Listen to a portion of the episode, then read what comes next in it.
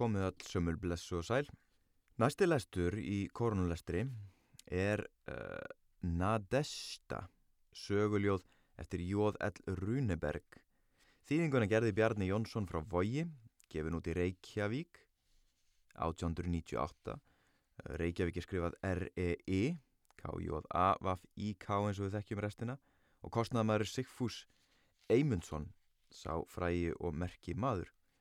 Þetta er falleg lítil bók, hún kostiði þrjár krónur á sínum tíma og ég var svo heppin að eignast þessa bók eftir ég komst í Dánarbú og fekk svona róta um og, og taka afgang af, af því sem aðeins var eftir og grein lengi sem vildi þessa bók. Og auk annara rita sem ég með úr þessu Dánarbúi sem ég er mjög þakkláttu fyrir er í mjög svona kommunista rit og það eru Íslands kommunista rit og þar að meðal er ég með fyrir frá með hérna byltinga söngvar útgefandi samband ungra kommunista og þetta er, ég get svara, ég held að þetta sé handskrifa hérna á forsíðinni þetta er fjölriðt frá árið 1932 og það er eitthvað hérna minnst á Siglufjörð.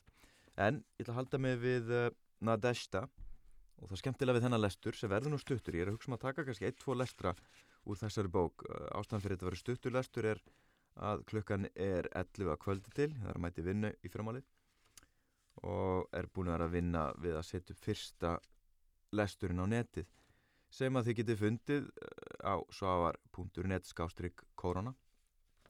En það er annars skemmtilegt við þessa bók að áðurinn get byrjað að lesa blaðsuðu 1 í Nadeshta fyrstu kviðu þá þarf ég að ná mér í hníf og ég er búin að ná mér í hníf og bríni og þetta er fyrsta sinns ég fyrir vopnaðurinn í stúdióð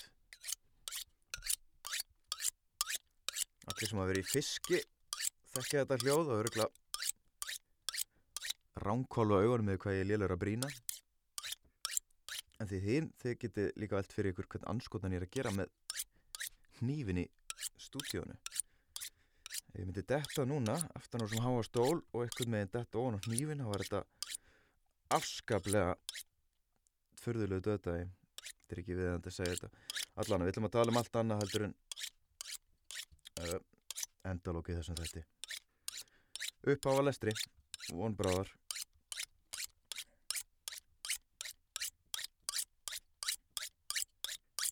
bara nokkuð öðru þessu. Ykkur störfi fiski þess að dana jájá, þetta er ná og þá kemur ljós hvern anskotan ég er að gera með nýf hérna. Ekki beina nýfnum að andlitinu að þér kjánin, ja. Ég verði að veikja en ég hefði ekki gert þetta aður en þetta er svolítið merkið, hlustu þið nú. Heyrðu eitthvað þetta? Velbrindur nýfur rendi í gegnum sem sagt uh, þetta eru gamlar í gamlum bókum þá voru það að prenta þannig að það þurfti að skera aðra hvora blaðsu hér um bil. Ég kann ekki alveg útlist af hverju þetta og svoleiðis.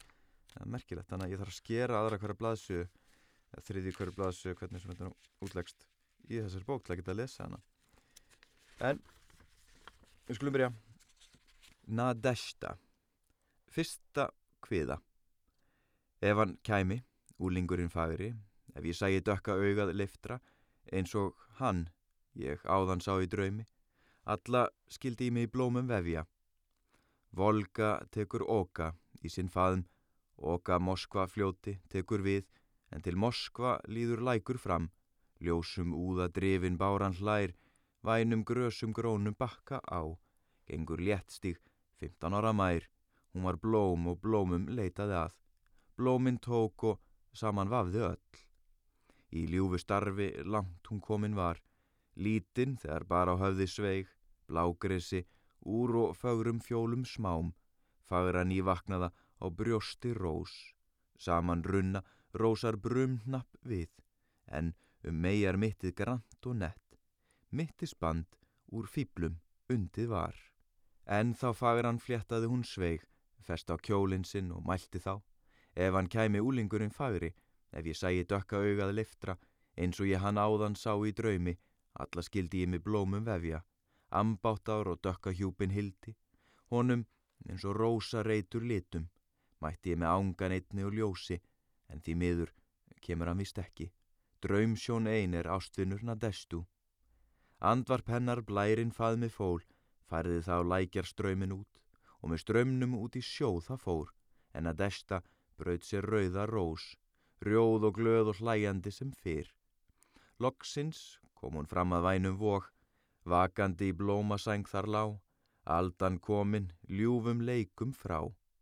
Ljósa speil sletta viki við, vill nú ambátt lauga höfu sitt. En er hún að læknum niður laud, leiti hægum ströymi andlit sitt, mildt og ungt og vætna en fagurt vor, vaknaði á ný í geði hrigð. Tári augun ljúfu lættust fram, láttu heldur vera að príða þig, nadestu rósin nógu fögur samt, naumast góðu hilli utan skarts, fóstruð síst til eigin indist þíns, eitlu þess að velji hjarta þitt, úling þann sem andu af huga og sál, en til þess að þjóna drottins físt, svo hann girndar augum eigi þig, að þú hrífir, mettir, gleimist svo. Þannig mælti hún og höfði af, hendi svegnum, tók af barmi sér, rósina og því næst beltið þreif. Þeitti því á lækjar ströymin út, döbrum huga kirlátt, svo hún hvað. Kom þú lækur, taktu skrautið mitt, fram til Moskva ber það báran þín, ber það Moskvu ströymur óku til, oka ber það út í volgu faðm, aftur volga ber það fram í sjó, út í sjó það ástvin hittir minn, endalausan faðmlausan sem haf, í draumi aðeins fæi faðma hann. Þegar mærin þetta hafi mælt, þá kom fóstri hennar, miljútín, silfur hára á hærum, hókin gekkan við staf og næsta þreyttur var. Seg mér, hví svo einn þú ávalt fer, óskup líkt og farum haga kind, felur því fagur grænum skóg, fögrum dvelur lækjar bökkum á. Leitað hef ég bænum öllum í, og af hæð á hæð og laut úr laut, hverki sást spór þín ljúf og létt, loksti göngumóður, hér ég fann. Þannig mælti hann, en hún gekk bljúg, hugfangandi mærin til hans fram, kisti rósavörum hrjúfa hönd, hans og auðmjúk því næst spurði svo, hví, miljútín, fóstur fadir minn, fóstru þinni leitarðu að. Gamalmennið aftur ansvar gaf, elsku dóttir, nú er gleði í bæ, kæti nóg í kótum voru mér, kátir söngvar gjalla, hörpu óm, bergmál flyttur yfir láð og lög, lítil magnarungir ríkir menn, sparifötin eru komnir í, allir sveinar skreita hattinn sinn, sveigum vefja hrundir kolsvart hár. Heiman fór ég svo að leita þín, svo í blómum vafðra vífa hóp, vanti ekki gleði miljótíns.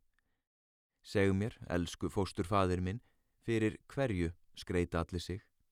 Af því skreita allir sig í bæ, að í hallarna stóra garð sapna skulu í dag úr breyðri byggð, bændur, konu, stúlkur, ungir menn. Elsku góði fósturfadir minn, fjölmörg ár stóð höllin alveg tóm, andar byggja auðar stofur þar, órekt köldum lukta garda fer, Hver á nú að opna hallar dyr, heimta þangað alla byggðar menn? Öldungurinn indi af létta þá. Unga stúlka, vonin fóstra þíns, hallargarði húsbonda vorsi, haugar göfgir, aldir voru tveir. Höfðingsinnir háum stegum af, heimtaða kaldri banasæng, fadirinn þá myllt og mælti svo. Dimitri, þú sem þunga hefur lund, þú skalt velja móður þinni hjá, hér í glöðu höllinni við volguströym. Valdimar, inn hugum glaði, hann, höllu daufa, byggi Moskva við, svo hann indi arfi, nú er skipt. Af því ríkir fögnuður í bæ, að einn glaði höfðingin er hér, af því af allir skreitta sig, að hann kemur hinga nú í dag, og við er þyrpumst heim í Hallargarð, hans að bóði eins unga föður vors. Statt upp sem fljótast, fylg mér heim, Fagrar rósir teku þú um leið, hár og barm og mitti skreit þeim með. Mín skal fóstra príða sig í dag, hún sem skrautlaus allra fegurst er, allra fegurst verði skrauti í, svo þegar höfðings hugsins sjón, hvarlar glöð um meia vora hóp, hjána destu stöði hún fljótt sitt flug, fögnuð horfi inn í kofavorn, solskin yfir okkar æfi dag. Þetta sagði hann, þegjandum stund, Þung brín leit hún á hann, fóstra hans, reyði logar, brunnu augum úr. Aftur brátt hún stiltist, silfurlokk, kisti á enni eins gæfa gamla manns. Góðlátlega mælti þessi orð. Elsku góði fósturfaðir minn, farðu undan mér og gáttu hægt. Lauga vil ég mig í læknum hér. Lítið, ef að rikkorn eða tvö, hörund drifkvíkt hafa fallið á. Heitan vangaði ljósan háls, þar á eftir skal ég skreita mig, skrauti búin koma í hallar garð. Öldungurinn gekk í hægðum heim, hrumur stöulaðist um auðan veg, en í hugins aldna manns þó leik indal von um nýja og betri tíð, svo hann kom í laufi skigðan lund. En að desta eftir honum leit, er hann gekk í hægðum sínu burt, þar til bak við ljósgrænt skóar lauf, loks hann algerlega horfin var, og er hann var horfin skógin í, hlustað hún á hans fóta tak, unsið síðasta svifið burt var hljóð, sumar kyrðar þögnar druknað í. Síðan er hún engan hyrði, sá, aftur lækjarbakkan gekk hún á, laut fram yfir lindar tæran ströym, leit á vatsins fleti sína mynd. Sorgar full hún sagða þessa leið, sirg þú, góði lækur, vinur minn, að þín bára ekki þvegið fær, alla þessa fegur mína burt. Það þarf að skera aftur næstu blaðsið frá blaðsið 9 til 10. Á ég mig að lauga í ljósum faðum, lækjar eins og blómum skreita mig. Þá ég myndi þó hér mína kinn, þessi róði ef geti skólast af. Bara mér skildi í báru kaldri þvó, bara ef mjalla kvítan færi af. Blómum fögurum búa skildi ég mig, bara ef ég vissnaði með þeim. Að svo mæltu, kvítri hendi með, hugraun kvalinn fegurð sinni af. Gruggaði hún ljóstært lækjar vatn, ljúfa myndin hennar, nú var skemmt. Brotin úvin rifin drunga dimm, dáðum hróðu stúlkan göfga hló. Þannig höfðingi skal ambátt ung, indi hún að bóði fóstra síns, ganga fyrir þig, ef það hann vill. Enga veki ást í brjósti þér, óbeitt veki bara og kala þar. Og hún gekk frá ljósiri lækjar strönd, léttstíg fram til hallar beindi leið, klaðnað sinn á leiðinni lagar hún, let á höfuð sveigur hrjúfri stör. Hryggilegan blómum undin ei, en á brjóstin kveldu festi hún, þistil krónu, þínast belti snýr, þéttan vöndul snúin hálmi af, og því nýtir yfir um mittið nett. Höfðing sonar höllu síðan að, hljóðladlega fögur, ambátt gekk.